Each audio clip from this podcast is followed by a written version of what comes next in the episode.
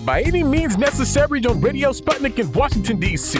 I'm your host, Sean Blackmon, here with Jacquie Luqman. And as always, we are your guide for connecting the political, social, and economic movements shaping the world around us. And today on By Any Means Necessary, we'll be talking about political repression against socialists in Zambia, West Africa. And it's Friday, which means we're having our weekly segment in the Red Zone where we discuss sports, politics, and struggle, and much, much more. As always, at 3.20 p.m. Eastern Standard Time, we'll be taking your calls. But before we can move on, Jacquie, tell them what's on your mind. Since 1989, about 400 of 3,361 total exonerations nationwide have involved false confessions, according to the data maintained by the National Registry of Exonerations. The group lists at least 230 exonerations for New York City alone since 1989. And in recent years, prosecutors in New York City have sought the dismissal of hundreds of convictions tied to police officers who have themselves been convicted of crimes related to their work since the Queens District Attorney's Office launched a conviction integrity unit in 2020, 102 convictions, including three this week, have been vacated, according to a news release. 86 of the convictions were tied to police misconduct. Fairness in the criminal justice system means we must reevaluate cases when credible new evidence of actual innocence or wrongful conviction emerges, the district attorney Melinda Katz said in a statement. One of those cases that were recently reevaluated was the case of Earl Walters, Armand McLeod, and Reginald Cameron who were arrested in New York City in the fatal shooting of Kei Tsunada, a 22 year old Japanese immigrant, in 1994. The New York Times reports that after being questioned through the night, the three, who were 17, 19, and 20 years old at the time, confessed to the killing, but all three recanted later, saying they were coerced by investigators. Nevertheless, Walters was convicted and served 20 years in prison before he was paroled in 2013. McLeod served 29 years before his release in January of this year, and Cameron pleaded guilty to a lesser charge and served about nine years before his parole in 2003. But 30 years later, their convictions were vacated in New York Supreme Court because of exactly what those young men at the time said happened prosecutors in Queens and the men's lawyers had filed joint motions asking the judge to vacate their convictions, saying the men's confessions were coerced and riddled with inconsistencies, including inaccuracies based on an interrogator's misunderstanding of a case. After more than eight hours of interrogation, the boys at the time confessed but their statements contained glaring inaccuracies about the circumstances of the shooting, prosecutors said in court. They said Mr. Tsunada had been shot in a hallway when he had been found in a stairwell. Mr. Cameron indicated that there had been two gunshots when evidence showed only one and their descriptions echoed reports written by Detective Carlos Gonzalez, a detective in the Tsunada case who was also connected to wrongful convictions in the Central Park 5 case and a notorious murder in a Manhattan subway station in the early 1990s. The same errors also appeared in the initial paperwork, according to prosecutors, which was, quote, evidence that these facts were supplied by Detective Gonzalez. The crime scene that the confession described is an impossibility, said Laura Nirider, a false confessions expert who is one of Mr. McLeod's lawyers. And now we know why, she said. The confession was, in fact, so wrong because it was scripted by a team of officers. All the young men recanted, and McLeod said in 2021 that he had confessed because he was thirsty and exhausted after, remember, eight hours of interrogation, and because he was convinced his innocence would become clear in court. But it was not. In fact, in the weeks after Walter's arrest, there had been three carjackings with similar circumstances to the ones that he had been originally arrested for and charged with. Three men had eventually been charged in those cases, and two of them were later linked using fingerprint evidence to the crimes for which Walters was imprisoned, according to court filings and prosecutors. But Walters' case was never reviewed. New York State Supreme Court Justice Michelle A. Johnson said the facts of Walter's case were particularly troubling. She said, As I sit here, I'm really honestly baffled. Detectives and prosecutors ignored glaring red flags in the investigation, she said, and she apologized to Walters as she threw out his and the other men's convictions. 10,607 days. That equates to 29 years and 15 days exactly. Armand McLeod said at the hearing to vacate his conviction. He said, I'll be the first to tell you that those 29 years were not kind to me. Sitting several rows behind him, Reginald Cameron began to cry. When it was his turn to speak, Cameron, who had pleaded guilty to first degree robbery in Tsunada's death in exchange for the dismissal of murder charges, told the court how the conviction irrevocably changed his life. Although he was happy that his name had been cleared, it doesn't fix things, he said. It doesn't fix this scar on my face, he said, pointing to a thick line about four inches across his right cheek, a wound he got in prison. I suffer from depression because of it, he told Justice Johnson. For her part, Justice Johnson said the 1994 District Attorney's Office failed to honor its obligation, to honor its search for the truth, no matter where it leads. She said, adding that the carelessness and indifference shown in the case shocks the consciousness, but it really doesn't. Not ours, not those of us who have been victims of the unfair and unjust justice system in this country that has never been fair and impartial to Black, Chicano, immigrant, and poor people. The story of these Three men is the story of hundreds of thousands that the innocent can can and do languish in prison for decades and their innocence not even considered despite all the evidence that exists to confirm it because the people in the justice system have biases and hatreds that keep them from wanting to look that is the real travesty of the justice system in this country, a reality that we endure every day, not this circus that's going on with Donald J. Trump.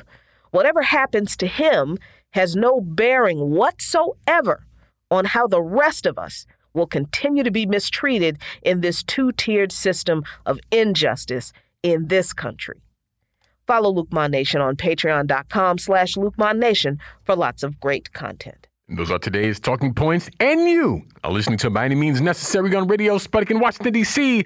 I'm your host, Sean Blackmon, here with Jacquie Luqman, and as always, we're your guide for connecting the political, social, and economic movement shaping the world around us. By any means necessary.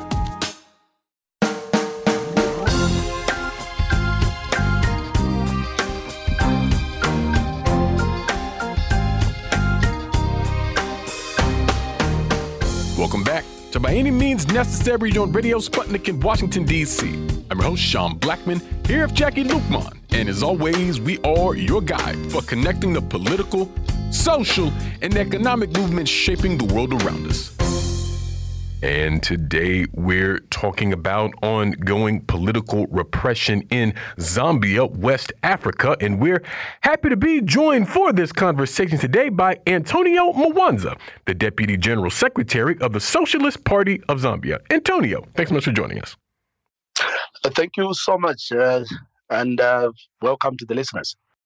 Absolutely. And Antonio, uh, here lately, and seemingly for a little while now, the uh, Socialist Party of Zambia uh, has been under attacks on different levels from the ruling United Party for National Development under the leader of Zambian President uh, Hakainde Hichilema.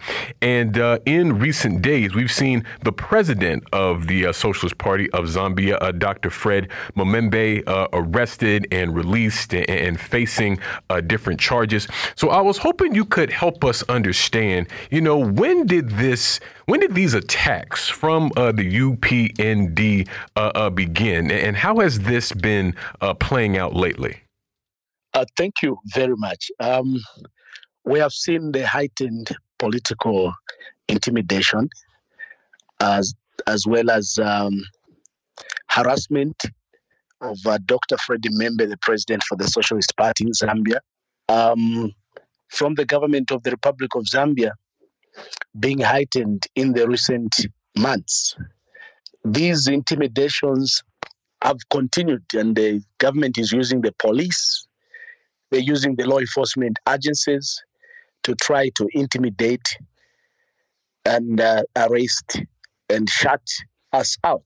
Uh, the police have been the main perpetrators of the harassment, political harassment that Dr. Fred M'membe and other members of the Socialist Party have continued to face. As we are speaking today, uh, we were at court, at the Magistrates Court in Lusaka, where Dr. Fred M'membe was appearing for a charge, a case that they gave him of uh, criminal libel and this is related to an article that he issued on his Facebook page regarding the firing of um, an assistant commissioner of police in the northwestern part of Zambia who was fired by the president of the Republic of Zambia, Mr. Hakainde Hichilema. And that uh, particular inspector, um, assistant commissioner of police, died allegedly due to depression when he was fired. He was not the only person that was fired the president of Zambia has fired quite a number of uh, senior government officials, whether in the parastatals, in government ministries, as well as in the police and other sectors of government. And uh, these people are being fired primarily based on either their tribal inclination or the region where they come from or because they're being viewed as uh, sympathizers of opposition political parties. And Dr. Fred M'membe commented to the effect that one of the people that were fired, uh, 35 senior police officers were fired, and one of them died as a result, apparently as a result of depression uh, due to the dismissal. And they, the state has um, arrested him and charged him for criminal libel for that. Secondly, Dr. Fred M'membe also authored a statement which he published on his Facebook page with regards to the military establishment and appointments within the military establishment, which he raised constitutional matters with regards to the appointments that the president had made. And those appointments towards the military establishment um, governed by the Constitution of the Republic of Zambia, and he did mention some of his misgivings with regards to how the current president did not follow the Constitution of the Republic of Zambia in making his appointments.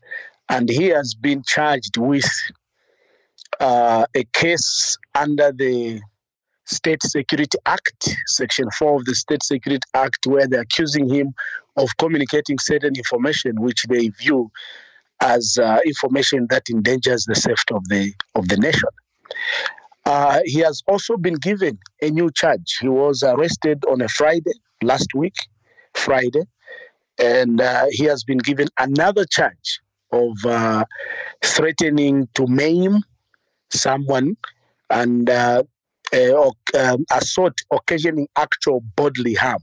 This is related to the uh, case of violence that the members of the UPND, the ruling party, the United Party for National Development here in Zambia, had unleashed their thugs on Dr. Freddie Membadi's Tuareg when we had a by-election in the central part of the country in a, in a place called Serenje.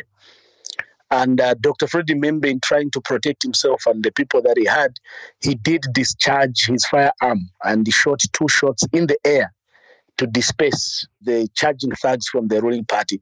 And they have given him a case uh, of threatening to maim. Um, and also, they've given him a case of uh, assault, occasioning actual, actual bodily harm. These are all trumped up charges that uh, the state cannot uh, uh, prove. Today, we went to court in the morning for him to answer the first charge of criminal libel and the state was not ready to proceed with the case because they don't have any evidence.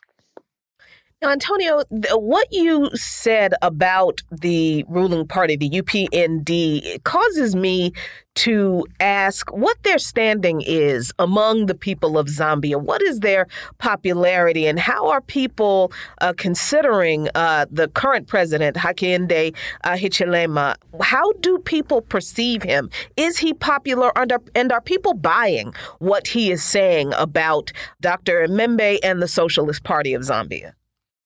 Uh, first of all, it would be important for me to do mention that uh, this is a president who came in office in 2021 on the back of a protest vote, a protest vote against the former ruling party. And he did come in office with a huge mandate of uh, over a million, almost 1 million votes.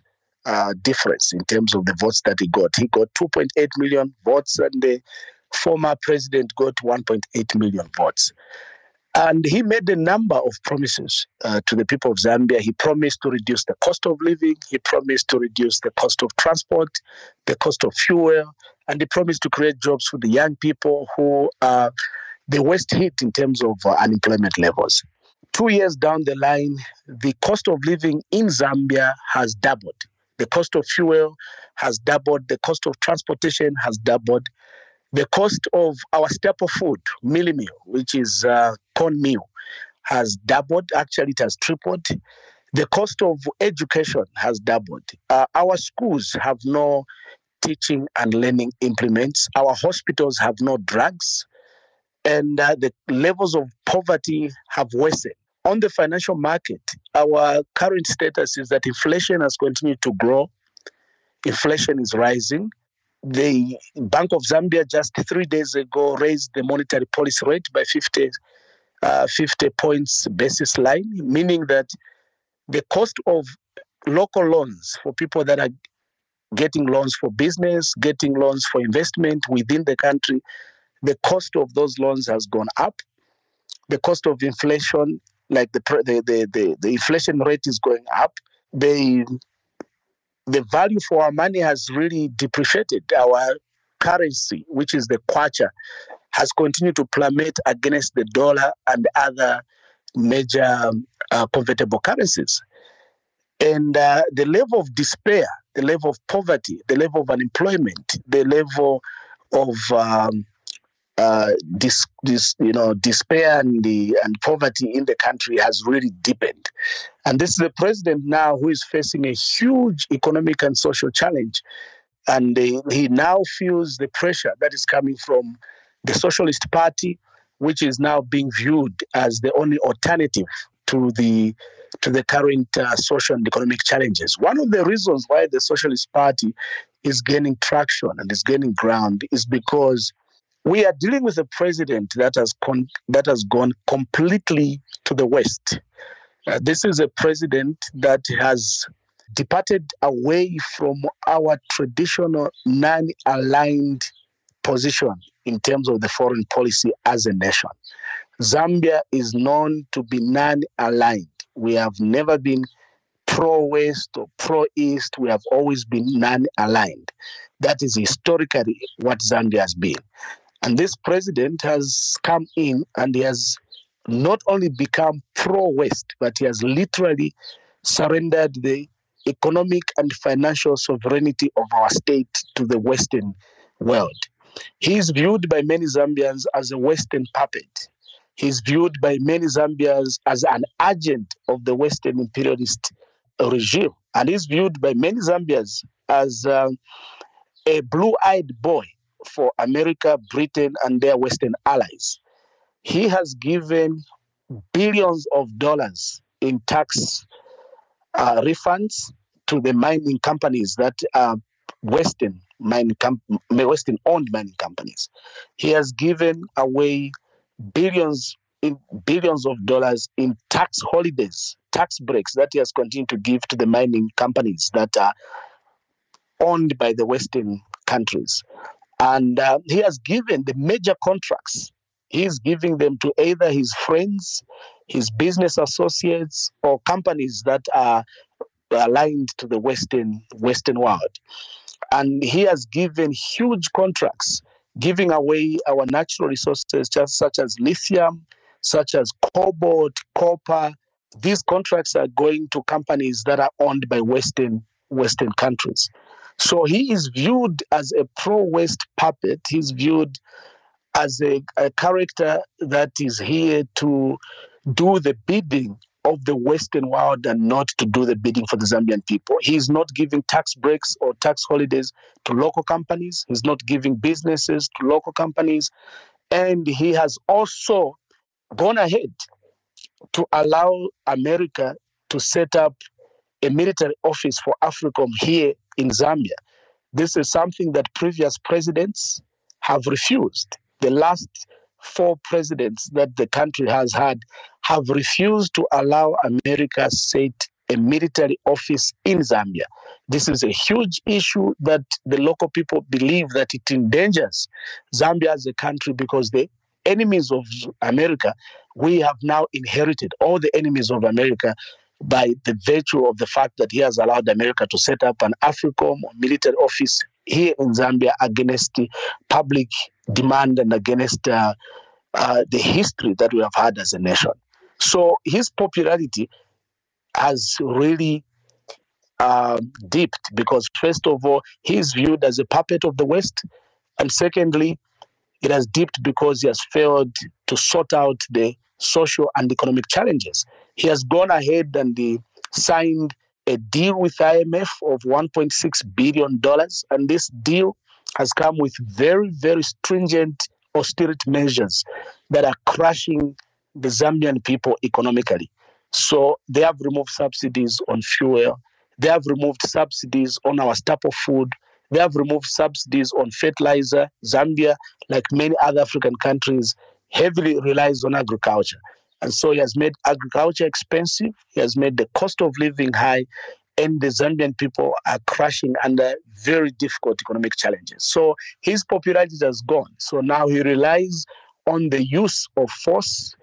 He's using the police, he's trying to use the justice system to shut and curtail anybody from criticizing him, exposing him, as well as holding account accountable we have had huge scandals, corruption scandals. We are dealing with a gold scandal currently. We are dealing with scandals to deal with contracts that he has given away uh, suspiciously to his f- friendly uh, companies, uh, whether it is in the Ministry of Health, Agriculture, whether it is in the mining industry.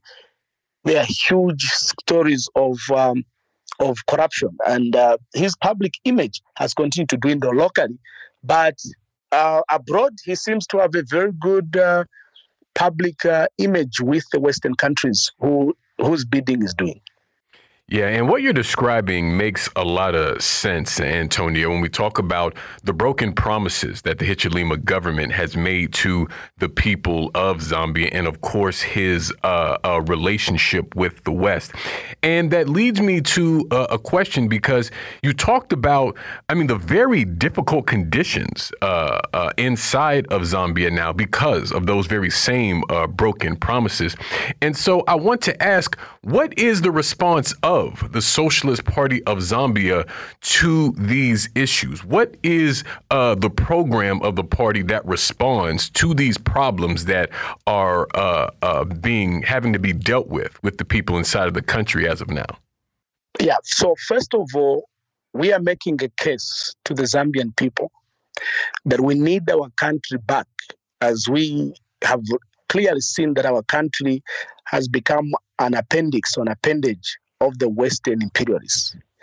We are making a case with the Zambian people that we are the only political party that, if we are given power, will continue to forge very strong ties with our traditional allies, traditional allies that have never colonized Zambia, traditional allies that have never colonized Africa. Russia, China become very strategic partners to us. That is the reason why, as a party, we've been advocating that Zambia must join the BRICS, Brit, uh, uh, uh, Brazil, Russia, India, China, and South Africa alliance. we are advocating as a political party that once we are given power, we will discontinue or cancel the IMF deal that Zambia has signed with the IMF. We don't need their loans. We are advocating and making a case to the Zambian people that we don't need to surrender ourselves again to the colonial powers that colonized us, that our mining uh, industry must be in the hands of the Zambian people. So we don't want to continue with the tax breaks that have been given to the mining sector. We want to have a win win situation with new investors that are going to respect the laws of Zambia, the labor laws, and pay a fair share of taxes. We are making a case that we have a president who has put and endangered the lives of Zambians by allowing Americans to set up a military office here. And we are seeing uh, an influx of people from countries that are at loggerheads or at war with America. The state security of the Republic of Zambia is being undermined by the very fact that we are adopting America's agenda here in Zambia. We are making a case to the Zambian people that a country that has got so much wealth, mineral wealth, water, soil, rainfall, good weather patterns should not have people who are as poor as, as we are. 72% of the Zambian people are in abject poverty. It is because we are not in control of the economic base. Our education system, our agriculture system, our mining system, our financial system, our digital systems are all in the hands of the Western um, imperialists. They're the ones that literally run our policies, and that is not working for the people of Zambia. So we want to reclaim back our nation. We want to stop Zambia being um, being a center stage or being used as uh, a pawn in the uh, geopolitics of the West versus the East. Because when he went to America, for instance, and had a meeting with uh, the American uh, senators, one of the senators in charge of foreign affairs did issue a statement on his uh, X, uh, formerly Twitter, that they have found a president in President Hakainde Sami Hichilema who is their puppet and that he's doing an agenda, he's going ahead and doing an agenda to remove the Chinese influence in Zambia or the Russian influence in Zambia and Africa. We want to rebuild those relationships with China. We want to rebuild our relationships with Russia. And we want to reestablish ourselves as a, a sovereign, independent state that pays attention to the sufferings of the masses and the nation, which puts Zambia and its people at the center before the interests of uh, foreigners and foreign imperialists. Yeah, and Antonio, you're making a point here that is very, very important, and also one that is not well understood here in the United States and in the West.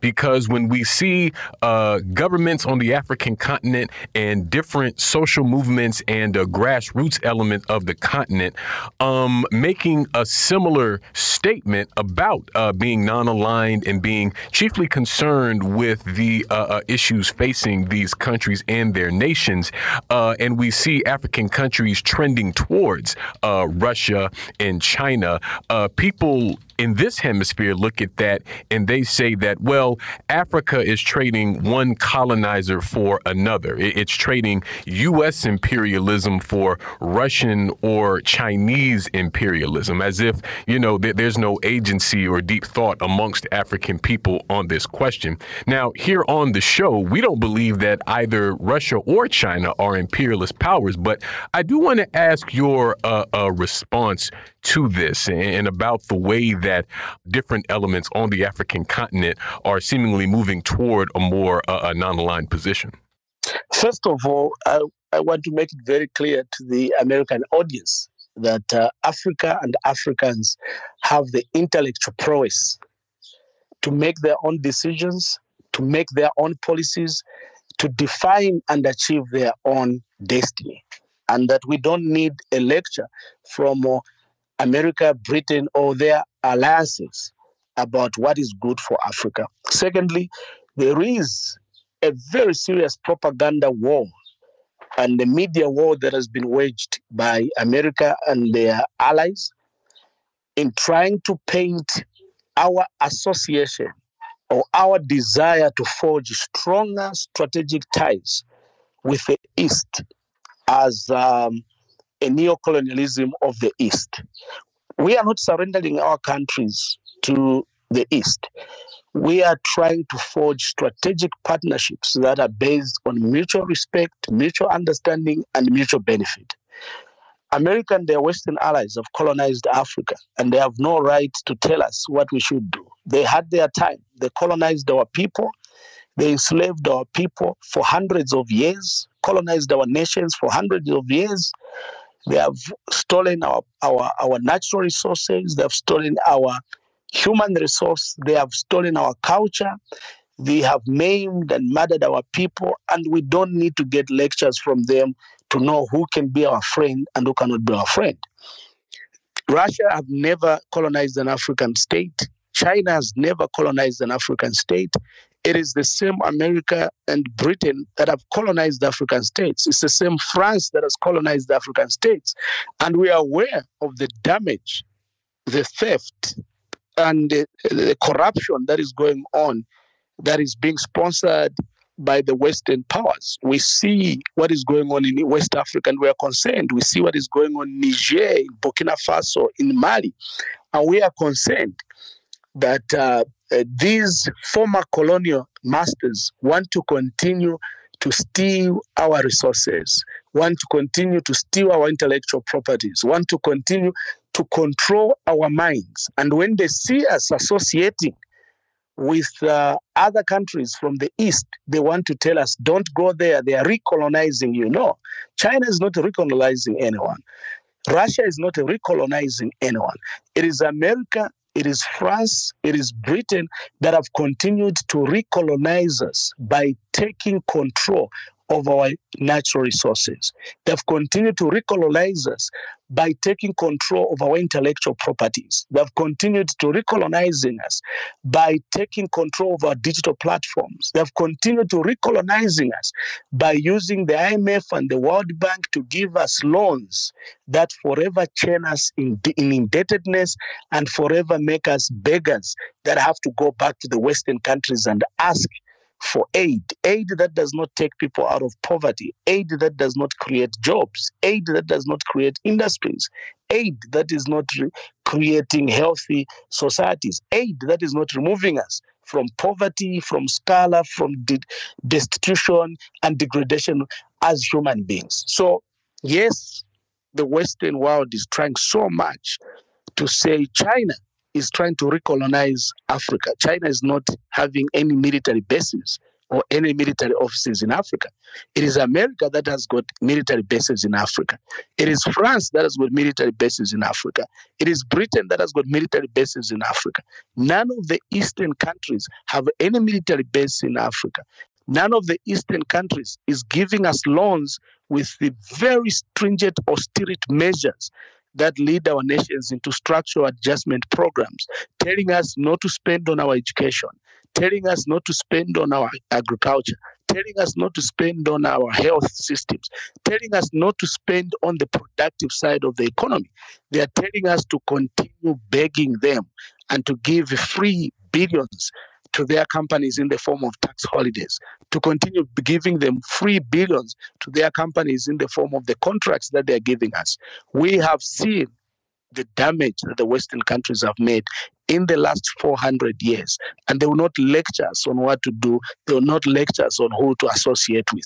We want to make our own mistakes with new partners based on the strategic agreements, strategic alliances that benefit both Africa and our Eastern Alliance, Alliance partners.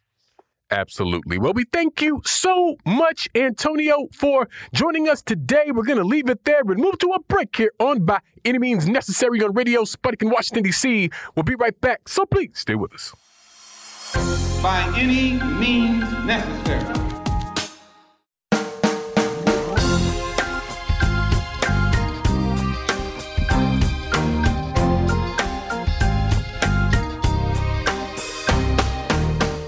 Welcome back to By any means necessary on Radio Sputnik in Washington, D.C. I'm your host, Sean Blackmon, here with Jacquie Luqman. And as always, we are your guide for connecting the political, social, and economic movements shaping the world around us. And it's Friday, which means it's time for another edition of our weekly segment in the Red Zone, where we discuss sports, politics, and struggle with Miguel Garcia of the ANTICONQUISTA Collective, also the host and creator of the Sports as a Weapon podcast. Miguel, thanks so much for joining us. Hey, Sean and Jacquie. Good to always be back, as always. Absolutely. And uh, Miguel, kicking off today with some NBA news. Uh, the New York Knicks have sued uh, the Toronto Raptors, uh, members of that organization, and a former employee of the Knicks who they have alleged has uh, basically given confidential information to uh, the Toronto Raptors. So, what's going on here? Yeah, so this happened on Monday. ESPN obtained a a copy of the lawsuit that was filed in U.S. District Court in Manhattan. The uh, Knicks state that uh, Ikechukwu uh, I probably said that wrong. Um, he worked for the Knicks from 2020 to 2023. He just left the Knicks in July, so last month. Um, he's that they allege that he sent the Raptors thousands of confidential files, including play frequency reports, a prep book for the 2022-23 season, video scouting files, opposition research, and more. Um, after the Raptors began to recruit him to join their organization in 2023, so he just left the Knicks last month and joined the Raptors coaching staff. Um, he, the former assistant Azotam worked for the Knicks as an assistant video coordinator and then as director of video analytics player development um, so he does a lot of the scouting with video, um, looks at analytic data, stuff like that. Um, and the Knicks also said, quote, directed the Raptors, they believe the Raptors, quote, directed Azotam's actions and are knowingly benefited from Azotam's wrongful acts. Um, they also allege the Raptors conspired to use Azotam's position as a current Knicks insider to funnel proprietary information to the Raptors to help them organize, plan, and structure the new coaching and video operations staff with the Raptors. And the Raptors, they just recently hired a new coach, so their new coach will start this uh, season.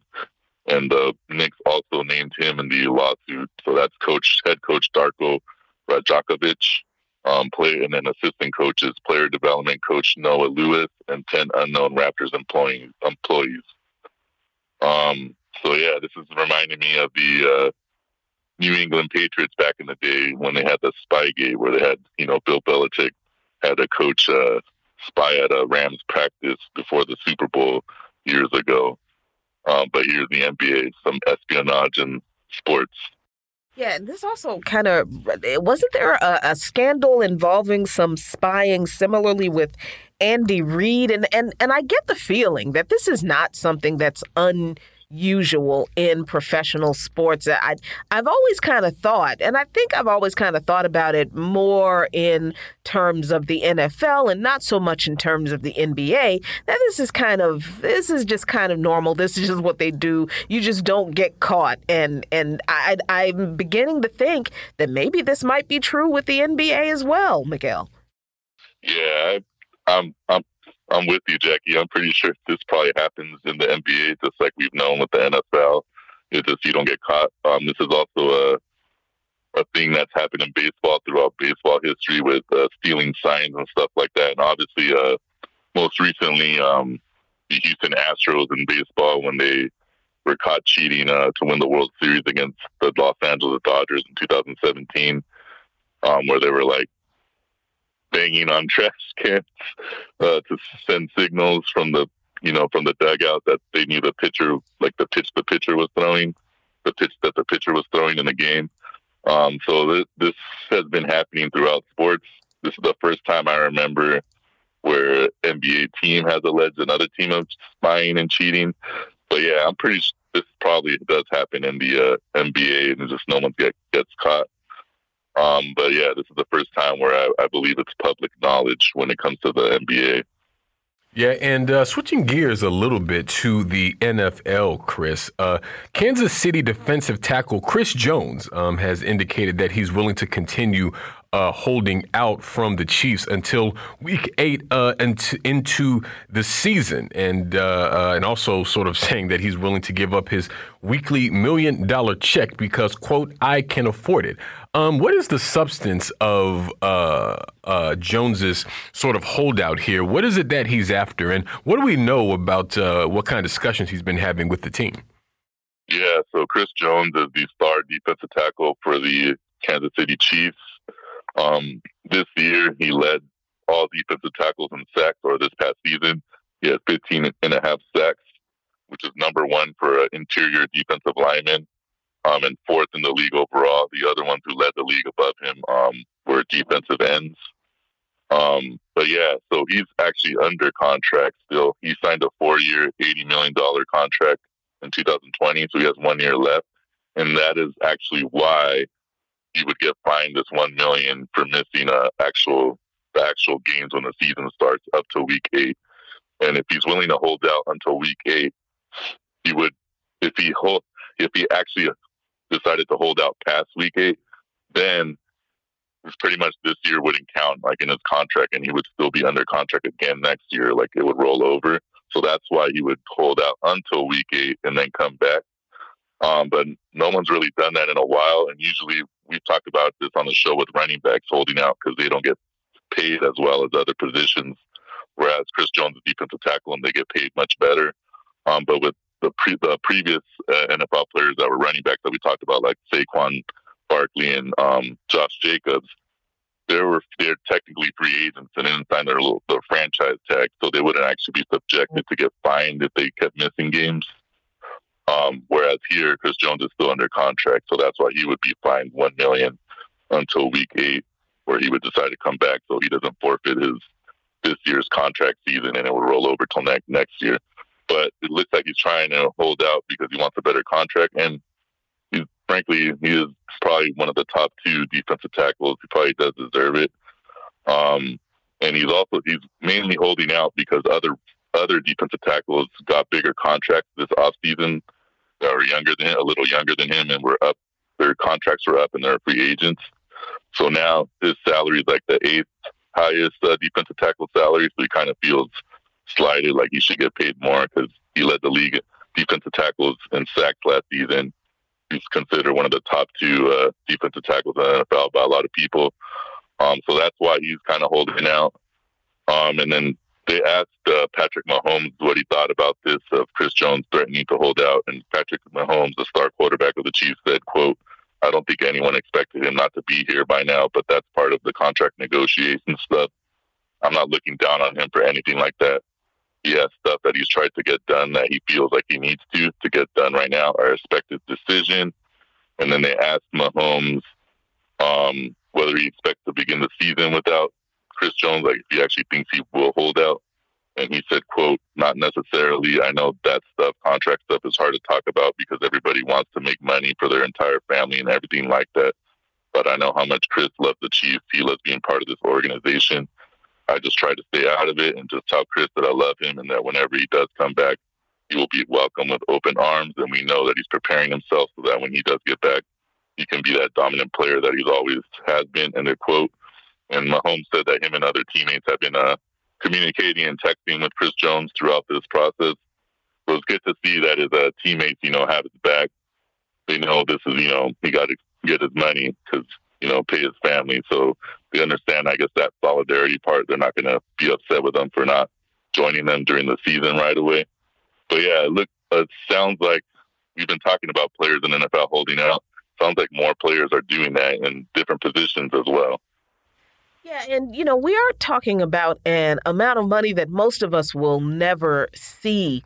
Um, the uh, a weekly game check that Chris Jones is uh, willing to forfeit is like 1.1 million dollars, and he said he's willing to forfeit that weekly game check because I can afford it. Now, I mean, I, I think it's hard for a lot of people to look at NFL players as workers who are fighting for their fair pay when the pay is that much money, Miguel? How do we how do we kind of balance this uh, this conversation about players who are fighting for you know what they as fair that what they see as fair pay, particularly when you consider that the owners that they're demanding this pay for, um, they're not hurting if they give these players exactly what they ask for. Yeah, this is always a difficult thing to discuss, and I get you know the average working class sports fan to you know accept you know they're making millions of dollars, whereas the average working class fan and working class people, workers like ourselves, you know, like you said, Jacquie, we're never going to make that much money. We're never going to see that much money.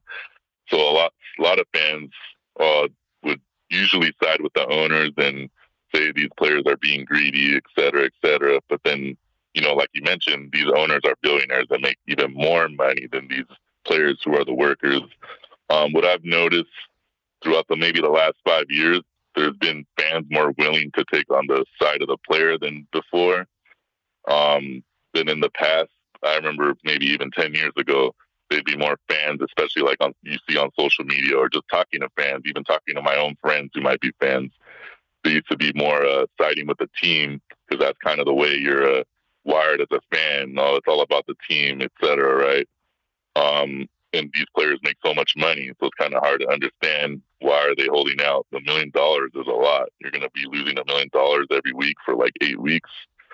Um, so that's always kind of hard to uh, discuss and get fans to understand. But I have noticed more fans are starting to uh, side more with the players. Um, and then with NFL here, like, like like when we talked about the running backs, they make much less money on average compared to a defensive tackle. Um, so those that type of player might be easier uh, for fans to understand why they might be holding out. Whereas here, Chris Jones already makes twenty million a year. He literally just said, "Oh, I, I could afford losing this one point one million a week because I could afford it." Um, but yeah, I, I, I've just noticed more fans are starting to side more with the players, understanding that yeah, they're they're millionaires, multimillionaires, but they're also the workers, and I guess trying to see that there's a difference between them and the billionaire owners um, that you know that make so much money, regardless if this player is holding out or not. Yeah, and uh, in soccer news, Miguel, uh, uh, the Nation recently published a piece about uh, uh, the Spanish soccer world and how the uh, Spanish women's team recently won the World Cup in defeating England in the process. But I mean, there have been reports about issues of uh, sexism and sexual harassment. I mean, uh, namely, uh, Royal Spanish Football Federation President Luis uh, Rubiales, who's accused of giving uh, striker Jennifer Hermoso uh, a kiss on the mouth, something that Hermoso did not want. So, a forcible kiss, actually. So, I mean, what's going on here in, in Spanish soccer, and how do you see it as reflective of issues of sexism in the sport? Yeah, so there was a great article written by a sports political journalist from The Nation and uh, the Real News Network, uh, Dave Zirin, for The Nation about this. So what happened was right after Spain beat England 1 0 to win the World Cup, the Women's World Cup, um, during the ceremony, like the trophy ceremony, the, the Spanish Football Federation president, Luis Rubiales, straight up just went up to the star, star striker, Jennifer Hermoso, and just kissed her like without, you know, he just did it, which is sexual assault. Um, I don't know why we can nothing else. It's straight sexual assault. We can't deny that. Um, but yeah, he's. I guess there's been a throughout soccer, uh, women's soccer, there has been a you know issues of sexism, even just sports in general, and then obviously in greater society, women have had to deal with uh, sexual harassment, sexism, sexual assault um, from powerful men like this. Um, so this has become a big story in the soccer world and in Spain, and a lot of journalists um, and sports soccer pundits are calling uh, for him to resign. And he kind of like brushed it off and kind of laughed it off at first. And he, he quoted Robert Rubiales was quoted as saying, "quote The kiss was the kiss with Jenny, there are these there are idiots all over.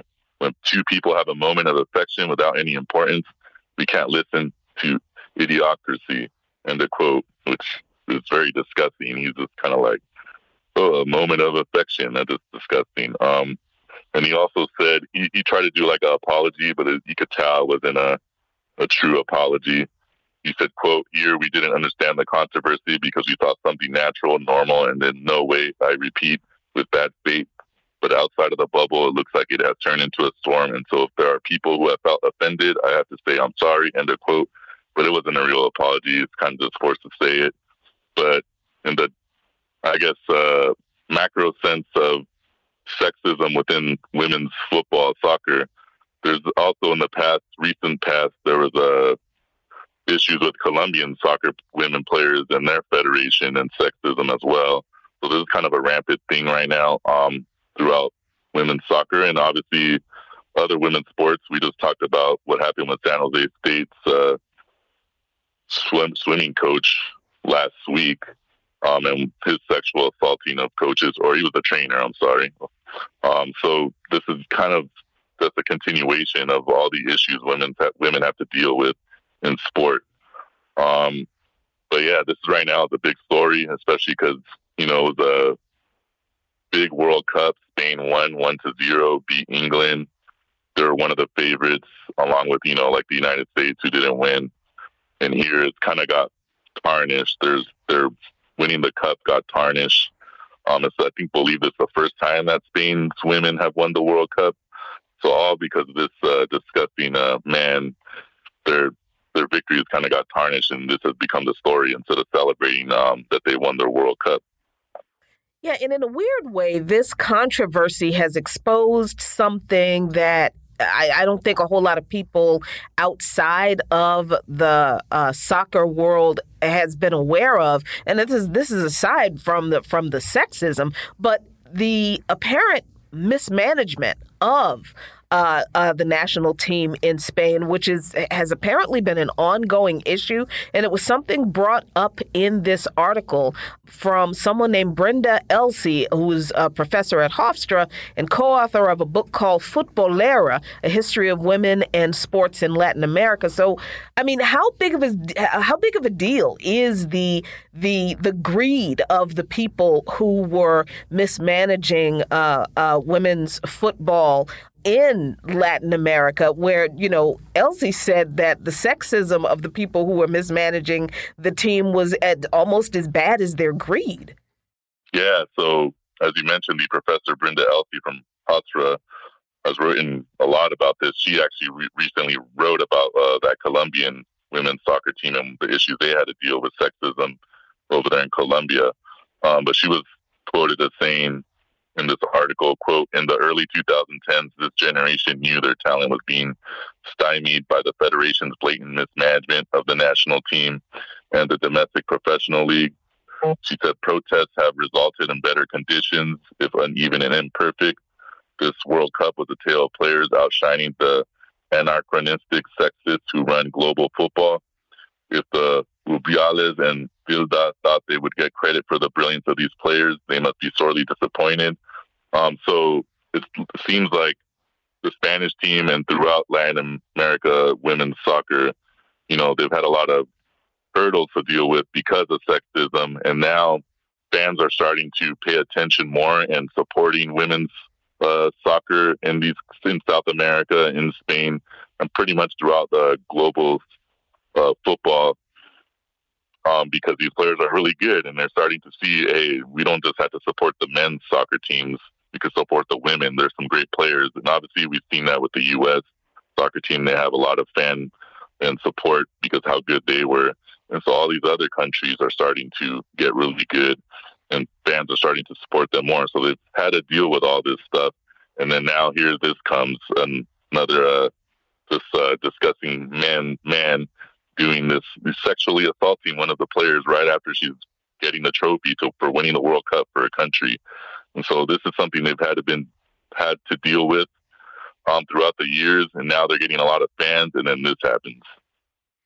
Yeah, and you know, uh, not that long ago, Miguel, uh, as it happens, I was watching um, a documentary on YouTube on this channel called Secret Base that people may be uh, familiar with. And they were telling the story of the U.S. women's national team and their struggle uh, just to get fair pay and the issues that they deal with, even beyond like the literal uh, uh pay. Just sometimes basic accommodations uh, aren't met, and sometimes not having enough money for food. And of course, zooming out a bit and, and, and taking it out of uh, the specific scope of just soccer. I mean, here on in the red zone, we discussed issues of sexism and sexual misconduct in any number of professional sports fields, and it just speaks to an ongoing, uh, a deep systemic issue with uh, uh, sexism and misogyny in professional sports that I think is part and parcel of that same issue within uh, the broader society that just uh, doesn't seem to be getting the uh, uh, attention from those institutions as they should. Yeah, like another example that we've talked about on this show as well is um like let's say the WNBA, which is probably the most prominent women's uh, sports league in the world. Um, you know, for basketball here in the U.S., but it's probably the biggest uh, women's league in all the the, the world. Um, they had to, you know, they don't get the same accommodations as uh, men's NBA players. They had to deal with uh, harassment from fans, but also, you know, they had to ride uh, commercial flights like the rest of us which kind of like, you know, doesn't help with them trying to recover with recovering recover after they play a game and then have to fly commercial a red eye flight to the next game. Maybe they have a back to back, whereas the NBA players get to ride, you know, uh, charter flights and ride comfortably. Um, so that that's just another example of the difference between women's sports and men's sports in these pro leagues, where who gets the resources and who doesn't. Um, and it, like you said, this kind of applies throughout sports and broader society. It's a systematic issue of patriarchy. Absolutely. Well, we thank you so much, Miguel, for joining us today. We're going to leave it there and move to a break here on By Any Means Necessary on Radio Sputnik in Washington, D.C. We'll be right back, so please stay with us. By any means necessary.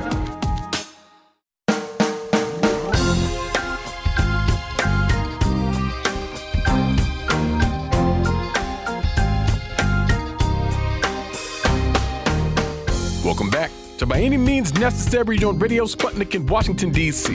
I'm your host, Sean Blackmon, here with Jacquie Luqman. And as always, we are your guide for connecting the political, social, and economic movements shaping the world around us. Oh, yes, we're here. We're back, top of the hour. It is Friday, August 25th, 2023.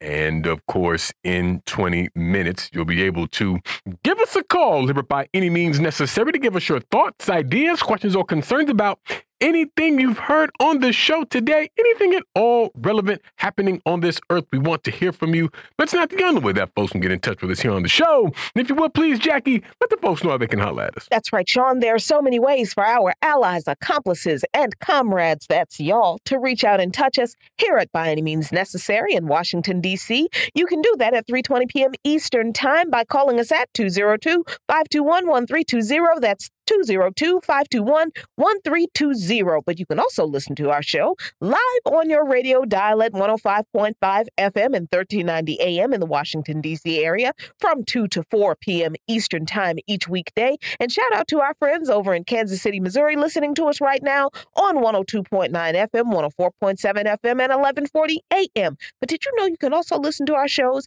at SputnikNews.com slash radio? Scroll on down the page and click on By Any Means Necessary necessary, and we're streaming for your viewing pleasure on Rumble right now at rumble.com slash C slash BAM necessary. The chat is live. And remember, friends, at 3.20 p.m. Eastern today, you can call us at 202-521-1320. That's 202-521-1320. But wherever you are in this world and however you do it, we want to hear from you. We most certainly do. We most certainly do. And we're very happy to be joined for the hour today by Netfa Freeman, coordinating committee member with the Black Alliance for Peace, organizer with Pan African Community Action, and host of Voices with Vision on WPFW 89.3 FM. Netfa, thanks so much for joining us.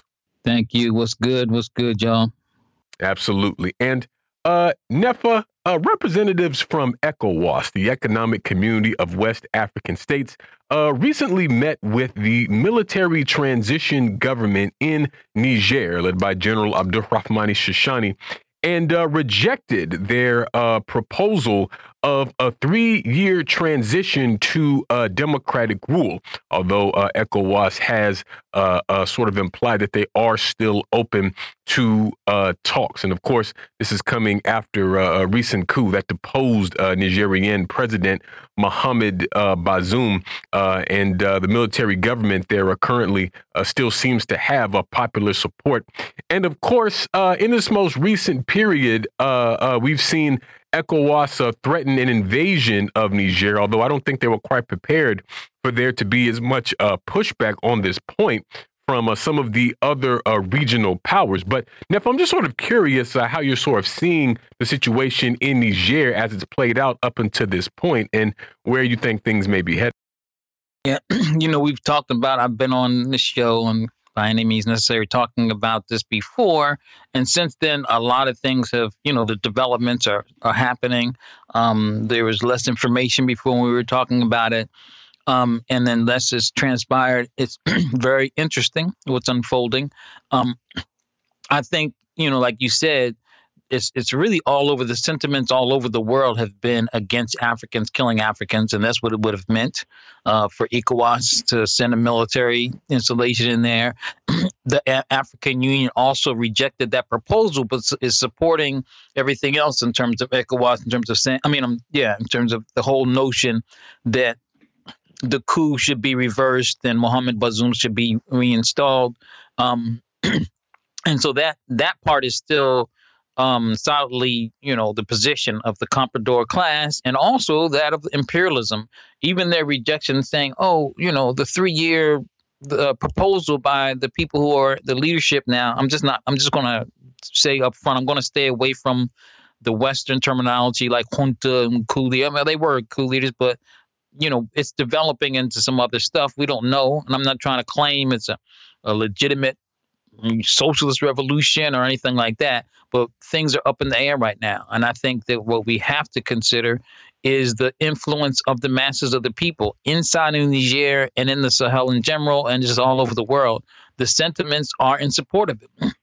And so, th- but I was back to what I was uh, finished that thought that that um, them saying that the three-year proposal from the leadership there is unacceptable is really basically just not wanting to see where things will go if the people, if the process is allowed to go unfettered there.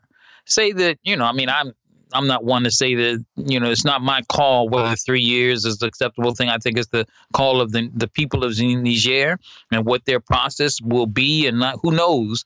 But what we should, what we know, I mean, like what we should be, the position should be is that neocolonialism is unacceptable, and, and Bazoum and and any other uh, anyone else, any class that's carrying the interest, uh, this supporting the interest of the colonizers and neocolonialism is not in the interest and the will of the people.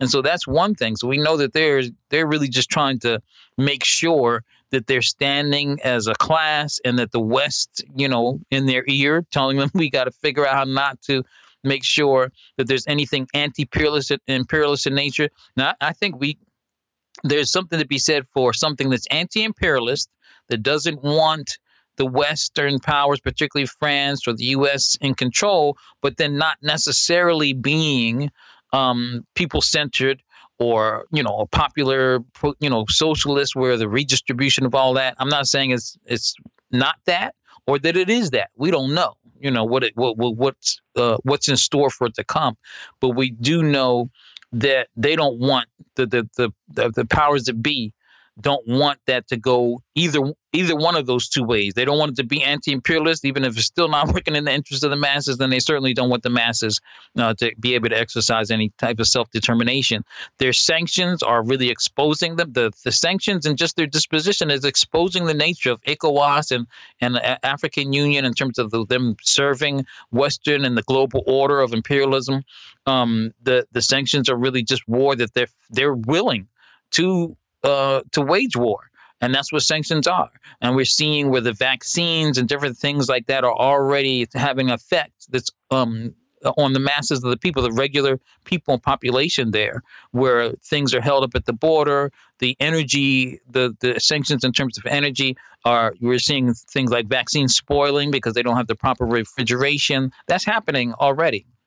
And so it shows that, and that what I don't think that they they're trying to. There's a chess game being played between those in the leadership of and the and then the and the the powers that be the Western, you know, and comprador class, and they didn't expect one thing they have to play is you know, and the the propaganda will serve the will there will have to be enforced here. They didn't expect them to come, and I don't know how many people found uh, know that they brought the the leadership there, this leading the the take takeover, is saying that they have evidence that Mohammed Bazoum is guilty of treason, and if that's true, they can't just they have to either make sure none of us hear about that, try to keep a lid on that part, or, you know they have to because otherwise then that means that he's not really a legitimate person to be able be in. If the the top person in your country is guilty of treason is committing treason then it's almost like an obligation that they would have if that's true you know so and the world would see it that way so it's a chess move it, the the and that the release of even if they release Bazoum and say he is under house arrest or whatever but one thing that they're not going to do and I think or, or I think would not be in their interest in this chess game is to let him be go in exile because it's like a, he's kind of a, a bargaining chip him and his family. And so they one of the things that they were pretending they were so con- and I'll wrap up with this concerned with the the health and everything of him and his family, but that ECOWAS delegation has proved well he's fine. You know, even we've seen pictures of him walking around and clean and everything else. Um, and that he even said that he was not in any type of physical uh, danger or neglect or anything like that. And so those are the kind of things that, that we're seeing. And I think that also, and I'll just, this is the thing, is that everyone knows that this will be, it won't just be going in and invading Niger. I think we talked about this last time. This will be a regional conflict because Burkina Faso and Mali um, have pledged to fight alongside if the, this is in in in uh, if this happens. The Niger government, even upon ECOWAS delegation leaving, uh, started talking, not the, the leadership now, started talking, preparing the people for invasion still. They're recruiting, they're, they're organizing people's militias, they're calling them. Uh, and the people are responding to that. So it's quickly becoming something that you can't say is only, and has really, the, the you know, really has been like that for a while, is only this military uh, these military leaders just took over. It's actually really now developed into something that you have to, you can't neglect the the people's involvement in what's happening here. Yeah, and you know, I've taken to calling uh, um, the current government the military transitional government because I I was uncomfortable with calling it a coup, although I know it it it was. But you know, coups are coups are not created equal in this very unequal world uh, you know unequal mm-hmm. world a, a, coup carried out uh, with the backing of the united states or the you know the cia is a very different thing from uh, a, a, coup carried out by uh, a faction of the military that has turned on what appears to be a comprador imperialist friendly government in another country and that looks like what's going on here. But, you know, Netfa, what I see, well, well, what I don't see coming out of, or what I don't hear coming out of uh, ECOWAS's many threats uh, for a military uh, response to uh, the the military transitional government, even though they're an economic formation. So I'm not sure which military they think they have to do this, But I think they're, like you said, are rethinking, oh, wait, maybe we can't do that, particularly since the people are in support of what is happening. But what I don't hear from them is any conversation about what life was like for the people in Niger under uh, the Bazoum uh, uh, regime. What was society like? What was the the economic situation for people like, because I think that gives us a really good indication as to why the people are in support of this military transitional government uh, away from uh, the Bazoum administration. And I'm wondering if you could give us a little bit of insight into that. We know that you know all of Africa is just really uh, aside outside of some of the countries that are doing a little bit like what Libya was. It Niger's um, debt is is kind of off the off the charts. It has one of the highest poverty rates in the continent of Africa.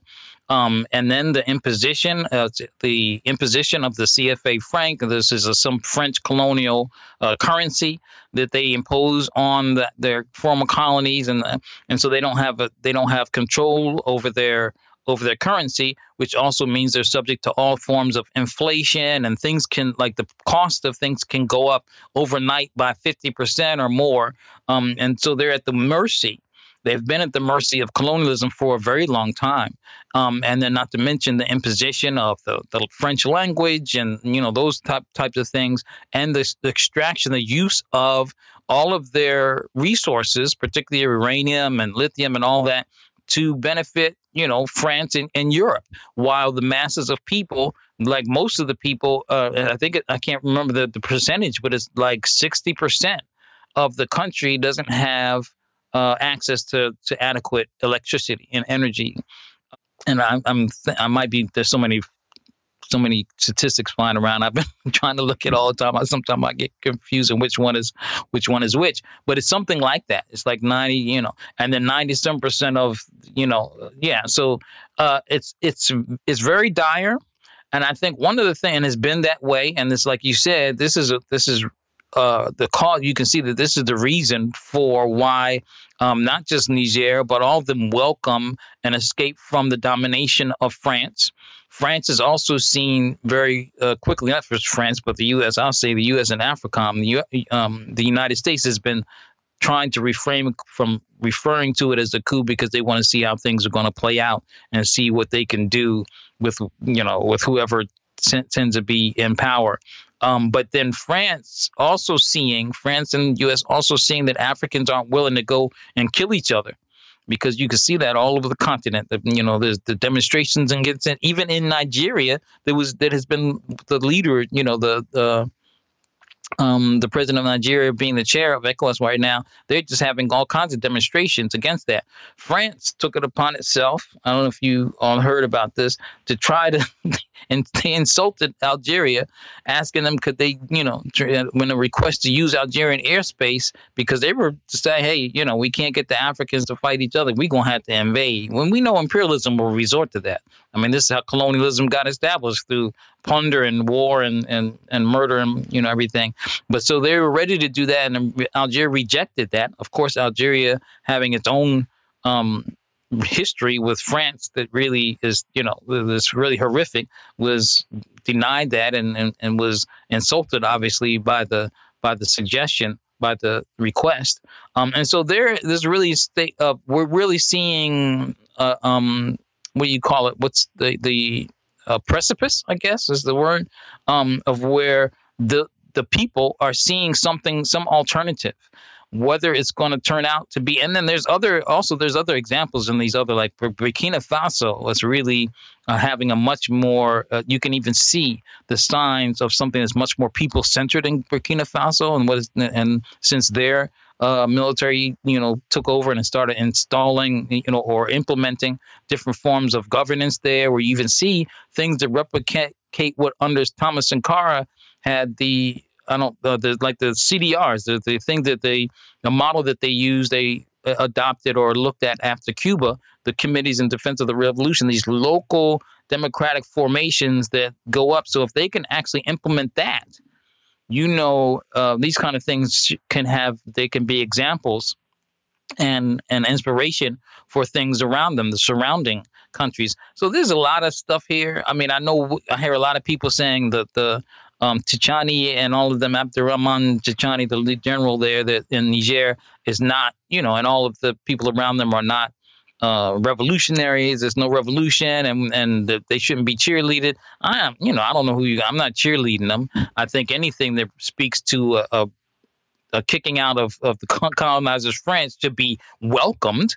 If my our welcoming it sounds like cheerleading, then so be it. And we know that we're not going to, you know, what that we should be cautious and not cautious, but just be uh, mindful that things may not play out as we hope and not, not have any kind of romanticism about what's happening. But at the same time, the first step, we know neocolonialism has been the like a, a you know getting that off the, and the militarism, but the France and U.S. getting that boot off our neck has been the first, and the the international institutions uh, getting that off the neck of the, the the colonized is the first step in decolonization. So anything that speaks of an alternative is positive, and you know, I mean, and then we ha- we can go from there in terms of establishing something else. And we even see now the BRICS, which I think we're going to get into talking about that um, decidedly trying to create some alternative that countries, if they can get from underneath imperialism, have something else to to look to in terms of alternatives of financing and loans and you know uh, some other type of global order that they can look to. Um, and if it's so so if it's not socialist, which we I, my position, it has things have to eventually lead to socialism. But if it doesn't start off like that, as, as long as it's a first step to something else, to you know, decolonization and and the getting rid of the neocolonial structures, then that then that's good. Yeah, and the question of alternatives that you raise is, is an important one, Netfa, because if you look at the uh, uh, the different military governments that have come into power in the Sahel over the uh, uh last few years, uh, of course, Niger, uh, Guinea, Mali, and Burkina Faso. I mean, they all tend to have some. they have similar sort of issues that that led to uh, uh, the rise of these military governments. Of course, there's uh, resource exploitation, uh, the military presence of uh, uh, France and its operations that are ostensibly in place to try to fight jihadist groups, but not only have not done that, but have actually made the issue worse. Uh, in the case of uh, Burkina Faso specifically, I mean, when uh, Ibrahim Traore um, uh, staged a coup against his senior officer, Lieutenant Colonel Paul Henri Damiba, I mean, uh, jihadists had taken over 40% of the country's territory. And so, with uh, all of these contradictions uh, uh, sort of raging at the same time, it created uh, a serious desire amongst the people to uh, uh, have a, a, different situation and a different dispensation and a government that they felt spoke more to their needs. So, this is why I think we see such popular um, support for some of these different military governments. And these are just some of the nuances that, that we have to uh, take into account when we discuss this uh, whole phenomena. But we're going to move to the first break of the hour on that note here on By Any Means Necessary on Radio Sputnik in Washington, D.C. We'll be right back, so please stay with us. By any means necessary.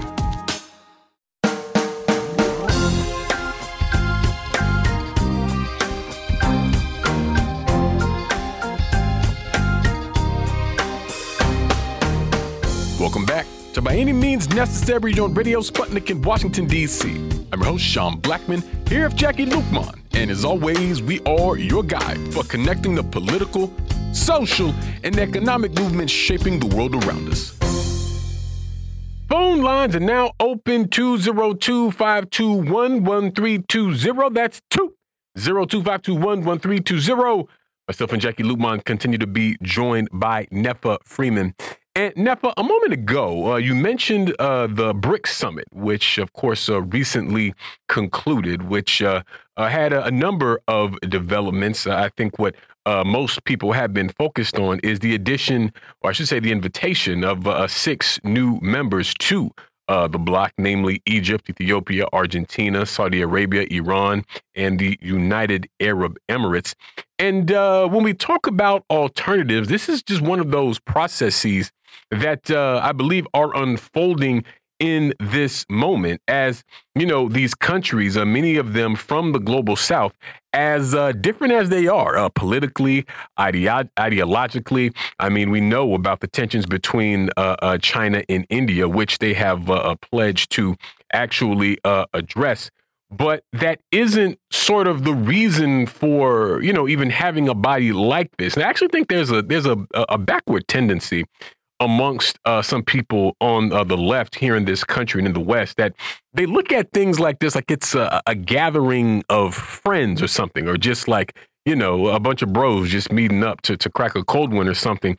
When in reality, these are governments who are very aware of the issues that uh, uh, uh, face them. And uh, not the least of which, a lot of these issues stem from, you know, their different relationships to Western capital, to uh, international institutions like the IMF and the World Bank, and they're getting amongst each other to try to hash out a, a, a path so they can have some uh, form of independence. But I, I don't want to get too deep all, off into it uh, all uh, all by myself there, Netfa. So just sort of curious how you're seeing this latest BRICS summit and how you see the relevance. Mm. So you know, it's, it's, interesting when you said about you know how people see some people in the West, I guess, uh, they perceive it. And I've I've seen this too. Even people I would think of as maybe radical or leftist, and I would actually venture to say that. Well, what I've heard and seen where some people refer to like allies, you know, uh, you know the the uh, the relationship of allies on the country level. And if we, you know, really look at it and understand it, it's not like um, like a friends, you know, romanticized buddy buddy kumbaya thing. It's political. You know, these are these are leaders of countries. They're making political decisions and alliances, and they know what their differences. And there's diplomacy involved. There's you know chess, all of that.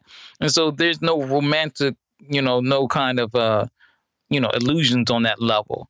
And so to say somebody is an ally is not to say that you know that they're just if to, to not somebody to say one country is an ally to another country is not to say that there's some kumbaya relationship. It means that they've established some practical cooperation some agreements some trade agreements or something of that nature even if it's a military alliance or whatever but they've created some sort of concrete um, agreements and their work there's some sort of cooperation going on. That's all it means. It's nothing else.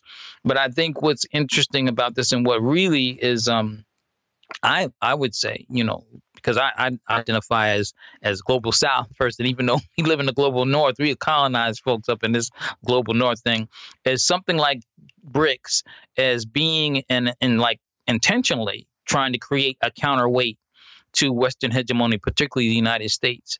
Um, things and hopefully that they'll look at things like, and I'm sure they are. There's these things are in discussion. Things like uh, changing the dollar, changing the uh, the reserve currency of the global order from the U.S. dollar to something else, maybe even a BRICS currency, so to speak. I don't know.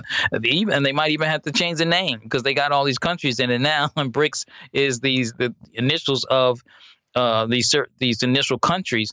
But I, um, I think one uh, like we mentioned, and and then actually one of the things that came out of this summit or the talk in this summit was promises to help um, at least like countries in Africa in particular, to industrialize, industrialization. And so we know that that's been a problem. We know that a lot of groups will say, well, industrialization is not necessarily good because it creates all kind of, I guess, things of, of uh, you know, climate change things and, and industry and factories or whatever. But one of the problems that Africa has had is that the extraction, things are extracted from it, and it's just being used as, you know, uh, you know, for extraction of materials, you know, raw minerals, different things, even export of other things, and then has to import the raw, the finished goods of things. Industri- uh, an industrialization if the if this is something people want, it deserves that. It will prevent them from having to look outside and import things and only being used for extraction of other things. Um, and also being the market, you know, because also the people, things are finished goods are dumped on the people there, and still even you know, and so people are forced to buy things and purchase things from outside entities in Europe and the United States. Um, so industrialization projects will be good. BRICS is not, and like and like you mentioned also, so we we know that it's not and it can't really be in this if it's a socialist project. Because at this point it's inter, it's an uh, internationalist it's it's a respect and sort of a, a, coming together of nations just like the united nations you know or whatever uh, or you know or even i guess you could even say the eu or or uh, you know the eu where they have to respect the countries uh, where they are, different countries, and the self determination and the lack of, and you know, and not try to impose their their uh, ways of doing things on their will or their economic you know systems on one another. And I think while the U.S. and even the United Nations and uh, the Security Council, to be more specific, um, and those who dominate the Security Council in perpetuity, while they talk all of that, they talk about sovereignty and all that, and sometimes they don't even really talk that. They really get away from that language. They really don't mean it. And of course, we know they're the ones that will invade your country and claim that you ain't got no democracy and you're not doing things right and all that. And and so the BRICS, um, and when we look at those countries that um, that are joining it, and who even started, they actually are put in a position where they have to exercise a, a, a, level of respect for one another on the political stage. And hopefully, if we can, you know, it's up to the people from the bottom up, of people centered movements to establish, the, to fight for the other things that they, the things that we need and create alliances, transcontinental people centered civil society alliances that will push um, for other things like socialism and whatnot. Yeah, and I think that that this is the same kind of uh, uh, situation where we're faced with uh, with some people's response to uh, the BRICS formation and the expansion of it that people have to the uh, um, situation in West Africa, and it's that people are saying that you know BRICS isn't specifically anti capitalist, it isn't specifically anti imperialist, although they're clearly anti Western hegemony and mm-hmm. anti dollar hegemony. And, and the question is, I think that people are asking, is if that is enough, Netfa. Well, I mean, it's. I, I, think that's the wrong question. Quite mm-hmm. frankly, I think the question is: Is it a good first step? Because some stuff has just have to. We have to take what we get as a, and acknowledge that there's some positive in it right now, and that if it's something, if it creates, because outside of that, then then we're talking about the continued dominance of the dollar and the and the euro you know, as being the the dominating dominating currencies, and the and the IMF and the World Bank and the World Trade Organization as being the the facilitators of the economic of the, the global economic order. And so, if they if anything can come up and at least establish a you know anti uh, colonialist and I don't know if I want to say anti-imperialist. That might be giving it too much, but at least we'll say the anti-Western uh, neo-colonialism, then that's good. And so if it's not enough, then of course we we got to do more. Of course, nothing will be enough. Revolution says nothing. You know, it's it's a project, it's a process, and um, it's a work in pro, pro, pro uh, a work in progress all the time. And so if we can, if, you know, and so I think that's what that's basically the answer to that is no, it's not enough, but it's a good first step and we should welcome anything that dislodges the hegemony of Western imperialism right now, led by NATO, the EU, the U.S. EU NATO axis of domination. Yeah, and that's actually the way I tend to think of BRICS as uh, uh, having the potential to be a real counter hegemonic force. And there is uh, a lot of uh, value in that. I agree with you, Netfa. And, you know, I, I maintain that, you know, the real uh, sort of overtly socialist, overtly anti-imperialist effort will have to come from us, you know, a, as movement people and what we build in order to contribute to, uh, uh, you know, a number of other dynamics that will be happening. I think will be uh, uh, important in really changing the global dispensation.